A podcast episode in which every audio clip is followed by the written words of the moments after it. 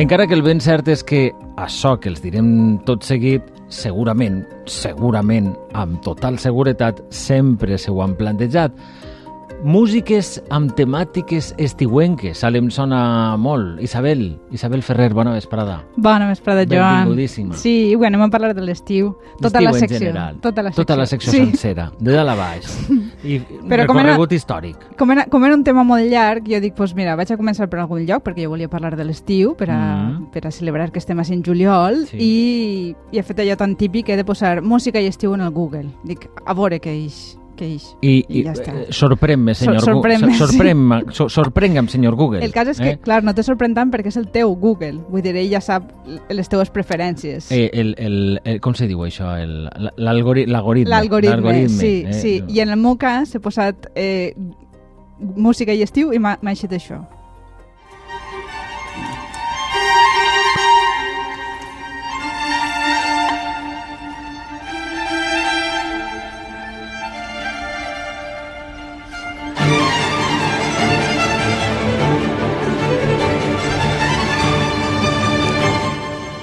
I sempre... I, i, clar, et coneix a tu. Me coneix a mi. Sí, però molt estiuenc no sona. igual, ja. igual, igual, si ho haguera posat jo, igual haguera tret un altre resultat. Però, M'han bueno, eixit més coses, eh? però després vos les contaré. però esta és la primera. Esta és la primera, Esta és la sí, primera. sí. I, I, clar, vull dir... mm, No sé si sona molt, la- Això la- sona molt, clar, això, Sí, això, això sí. està clar. Eh, és una I- sensació que tenim la gent, eh? aquesta música mos sona. El que passa és que, diguem que de, de, no és la peça que més ens sona. Eh? La que més ens sona és la del costat d'esta que està sonant, que, Que és la que esta? sentirem. Esta.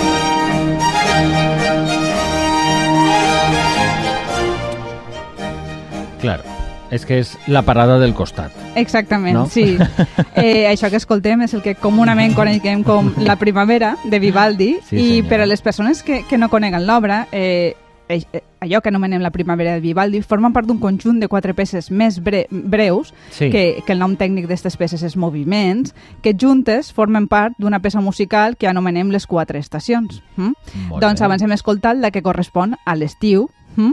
I per què s'anomena així? Doncs en, a l'Ensona molt ja dedicarem fa molt de temps un monogràfic que podeu trobar a les xarxes sobre les quatre estacions, però són una peça per a violí i orquestra que, segurament per a que fora més comercial, el compositor va acompanyar d'uns versos sobre les estacions que d'una manera o altra trobem descrits a la música. Vols dir que ja tenia una actitud així com comercial? Sí, sí, Vivaldi? totalment, sí, sí, sí, sí, ja està tot inventat ja. En el segle XVIII ja, Ja, feia miraven. coses, ja feia màrqueting. Sí, no està del tot clar, eh? però és possible eh? que és, la música no se sap què és abans, si la música o és versos. O sigui, era... Molt bé, disculpa'm. No, no, no, no, al contrari. I els versos que, que tracten de l'estiu, el que descriuen és primer un pastor socarrant-se al sol, sí? amb uns pardalers de fons. Està molt bé, perquè te fas una idea gràfica, visual. Fas, del que fas, és. fas sí, la, fas era la, idea visió, que no? buscava Sí, sí. Vivaldi amb, amb la música. I de sobte arriba una tronada, eh, que és el que hem escoltat nosaltres, eh, amb estos violins així tan, tan poc estiuents que ens Sí, sonen, però sí. en realitat descriuen En una, una tronada. Mm. Una tronada.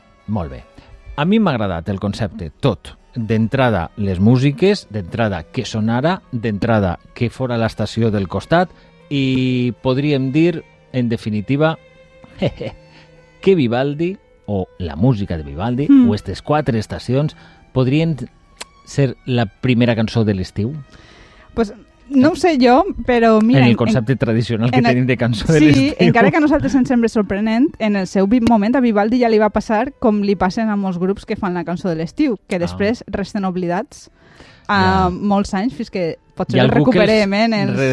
Més tard, sí. Mm. El pobre home va estar més de 200 anys que ningú li feia massa cas i no és fins a mitjan del segle XX que redescobreix la seva figura, la, fi- la seva figura Sí. i esta música, que probablement junt al cànon de Pachelbel és de les més famoses de la història de la Estic- música clàssica. Estic, eh? més que, estic més que convençut de que, Mm. de que és així. Mai és tard, no? Podríem Mm. dir, no? Encara que l'home, ja ho estaves dient, no ho poguera disfrutar, disfrutar massa, no? Perquè no li farem massa cas durant un grapat d'anys, no? Mm. Du- du- durant dos segles, dos, dos segles, perdó. Uh, has dit abans que no poden considerar del tot esta música de Vivaldi com una cançó de l'estiu. I jo també te dic natural. Però dic, tècnicament hi ha alguna definició de cançó de l'estiu? Pues és una pregunta que jo també m'he fet mentre preparava la secció, de dir que, que, què és el que defineix a una, a Sí. una cançó de l'estiu. I la resposta té uns quants punts a aclarir. El primer punt a aclarir pareix una obvietat, però ja veureu que no és del tot. Les cançons de l'estiu són músiques que relacionem amb l'estiu, però no amb tots els estius. Eh? De fet, ara us posaré una música de l'estiu que no funcionarà com a cançó de l'estiu. Encara no són onze i el sol ja pica. Que serà quan toquen dotze i ser migdia. Això ja ho coneixem, és una versió del cant de batre que feien els d'Altai ja fa uns quants anys. Estos versos són molt coneguts, són de quan tu cantes un batre des que s'utilitzen recurrentment. Sí. I per a nosaltres que vivim en una societat moderna no tant, però el cant de batre s'anomena així perquè són cants que es feien en estiu, que era el moment en el qual se separava el gra de la palla acompanyant-se d'un- d'una bèstia, d'un animal. Era una feina molt, molt dura, ple sol, que s'ac- s'acompanyava qui la feia, eh, l'home que la feia, eh, de vegades també dones, eh, amb música pròpia per a fer-la en poliu més lleugera dintre d'este- més amable. duresa, més amable. Sí, clar. Eh, definitivament les cançons de l'estiu les relacionem més amb la festa que no amb la feina, la vista està. Eh, Clar, per està. això pot ser, podrien canviar el nom i passar a anomenar-les cançons de vacances, perquè en realitat Mm. l'auge de les cançons de l'estiu es relaciona amb les societats modernes en el moment que això de fer vacances en estiu no és patrimoni exclusiu de les classes benestants, sinó que es popularitza. Eh? Es democratitza una miqueta, Sí, no? exactament, Eh. sí.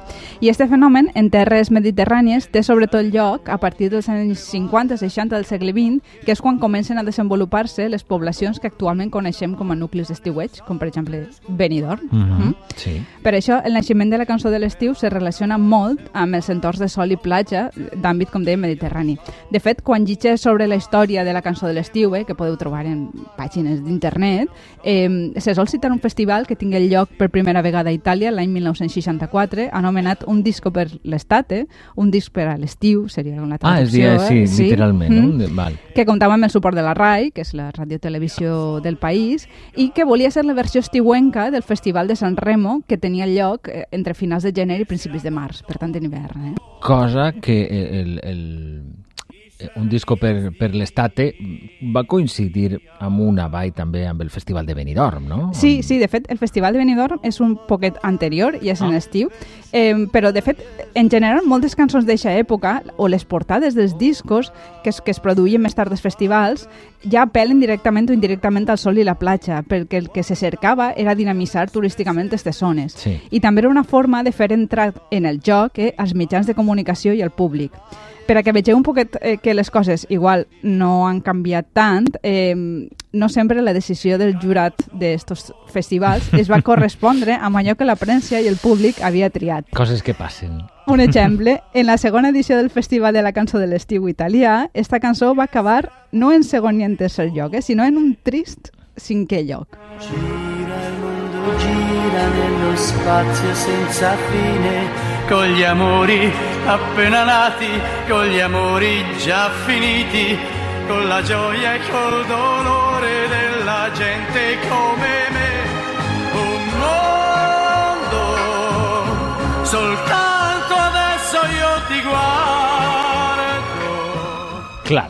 no hi havia televoto, no hi No. havia res que compensara res, i havent encara ja sabem el que passa, en qualsevol cas, eh, s'equivocaren, s'equivocaren. Sí, una sí. miqueta, una miqueta. Una miqueta, sí, El perquè en el món de. Jimmy Fontana, que més tard seria un èxit internacional i sort que el públic va dir la seua i les discogràfiques pronte venen que tenia molt d'èxit, que la Mm. traduïren al castellà i, bueno, òbviament va triomfar també. Va, ja la coneguem, sí. Eh, pel que comentes tot este fenomen del qual estem parlant, de la cançó de l'estiu, no, no s'entén, eh, per descomptat que no, sense els mitjans de comunicació. Si les plataformes de difusió no hi ha, no hi Sí, sí. Els mitjans de comunicació formen part de la definició mateixa de la cançó de l'estiu. De fet, és que no hi ha cap organisme oficial que diga quina és la cançó de l'estiu. No. No, perquè a més tindríem problemes. Sí, sí, a més a més sí. Són normalment els mitjans de comunicació els que comencen a utilitzar la etiqueta per a descriure aquelles cançons que tenen, com diríem, més impacte mediàtic en aquesta època de l'any. Mhm. Per això, encara que sembla que el tema de la cançó de l'estiu és com molt mediterrani llatí, el món anglosaxó no ha volgut quedar-se enrere Mai i no es queda enrere. mai no es queda enrere i de seguida ells també han volgut dir no, no, això també nosaltres ja ho vam fer, no? I així sembla que la premsa del món anglosaxó a principis de segle, no a mi tant, eh, ja va definir com a cançons de l'estiu algunes de les, de les seues músiques, eh? perquè, clar, tenen un sistema de premsa potent, enregistraments, sí. i va dir, vinga, nosaltres ja ho vam fer, això. Molt bé, eh, però jo vull escoltar precisament eh, un exemple d'esta d'este concepte anglosaxó de la cançó de l'estiu. De principis de segle, sí, doncs, per exemple, en, sense anar més junt, en la Viquipèdia, en l'esmentada llengua, ens diu que un exemple primerenc que podem trobar data de 1923 i es titula i és We Have No Bananas, Mm, eh? la qual cosa eh, és... Bueno, després diré la traducció... Eh, és sí, eh, no tenim plàtans, i ara després Sí. explicaré què vol dir això. I se suposa que va vendre un milió de còpies en tres mesos i sona així.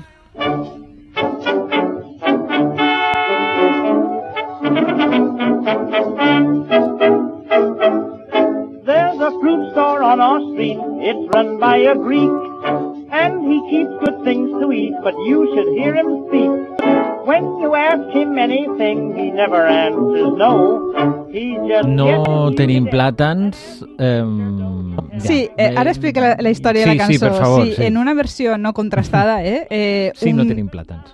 un dia de l'any 1922, dos músics de nom Frank Silver i Irving Cohn anaven de camí a treballar a la ciutat de Nova York quan pararen a comprar-se el berenar en una fruiteria. Eren dos persones molt sanes. Sí, sí. I sí entraren- No, no es feien dònuts. Ni... I demanaren plàtans, sí? I el propietari de l'establiment, que era un immigrant grec, els va respondre en un anglès macarrònic sí, avui no tenim plàtans, eh? que eren com dos coses, sí, dos missatges A priori contraris. contradictoris, sí. I el tema és que no tenien plàtans, se suposa que perquè hi havia en aquell moment una plaga a Panamà que havia provocat escassetat. Aleshores es veu que esta mescla no, de, de, de escassesa que d'un producte Sí. social que hi havia i necessitat, van fer la cançó i va triomfar ràpidament. En qualsevol cas, jo personalment no, encara que la història està molt atraient, jo no remuntaria fins tan enrere la cançó de l'estiu segons el concepte que en tenem avui en dia. Eh? Jo no sé si els nostres pares eh, parlaven, de fet, de cançó de l'estiu. Jo diria que no, que Jo és, que és una estic- cosa que, sí. és, que és molt poc de la nostra generació que, i que el terme no és tan antic. De fet, és sobretot a partir dels anys 90, eh, anava a dir fa 4 dies, però és que fa 30 anys, però bueno, 4 sí, dies. Eh, És, és, és terriblement cert. um, eh, és quan comença... És quan comença a generalitzar-se les recopilacions estes de cançons de l'estiu. No sé si recordeu el mític disc recopilatori Caribe Mix. No sé si dir-te que ho recorde. Sí que ho recordes. Coloret Blavet... Sí, eh, sí, les sí, clar, clar que ho recorde. No, no, Era un disc que tingué molt d'impacte, doncs Sí. el seu primer volum és de l'any 1996 i vos he de dir que m'ha costat triar la cançó més representativa d'aquella selecció perquè n'hi ha... Perquè t'agradaven totes. M'agraden totes, sí. També vos he de dir que moltes d'elles avui en dia no passarien els filtres de gènere perquè cosifiquen Ai, a les sí, dones sí, que, és, sí, que són eh, primor. en fi. Escoltem-ne una a l'atzar. Vinga, va. El venau, el venau. El venau, el venau. El venau, el venau. El venau. Mira, l'hauràs triat de forma aleatòria, val? Mm, Però te creuràs que jo esta cançó la relacione amb una operació quirúrgica.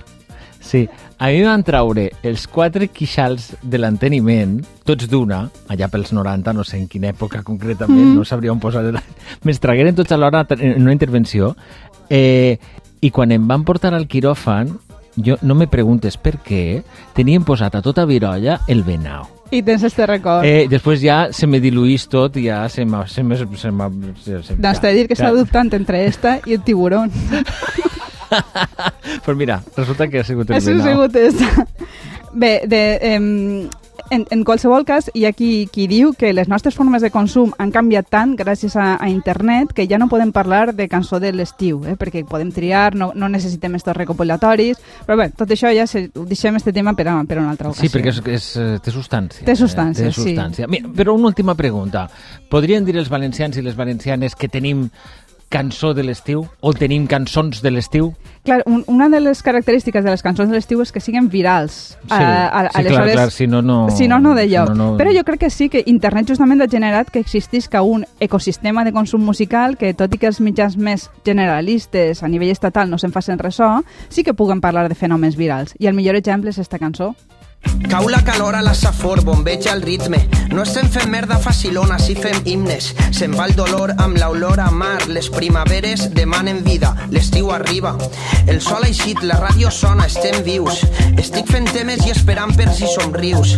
Eren feliços amb mentires de mil colors. Tinc els conflictes d'un suïcidi... Jo crec que la tria és perfecta. Sí? Sí, sí, sí. Sí, sí, és, sí. ja un, és sí. un clàssic, eh? eh sí. Per si alguna persona no ho sap, és el tema en què es va donar a conèixer el grup València Zoo mm. en 2014 2014 i ben pronta ja va ser definida com la cançó de l'estiu en alguns mitjans, no només pel títol, que també, eh, sinó perquè en poc de temps obtingué milers de visualitzacions eh, i es va estendre ràpidament.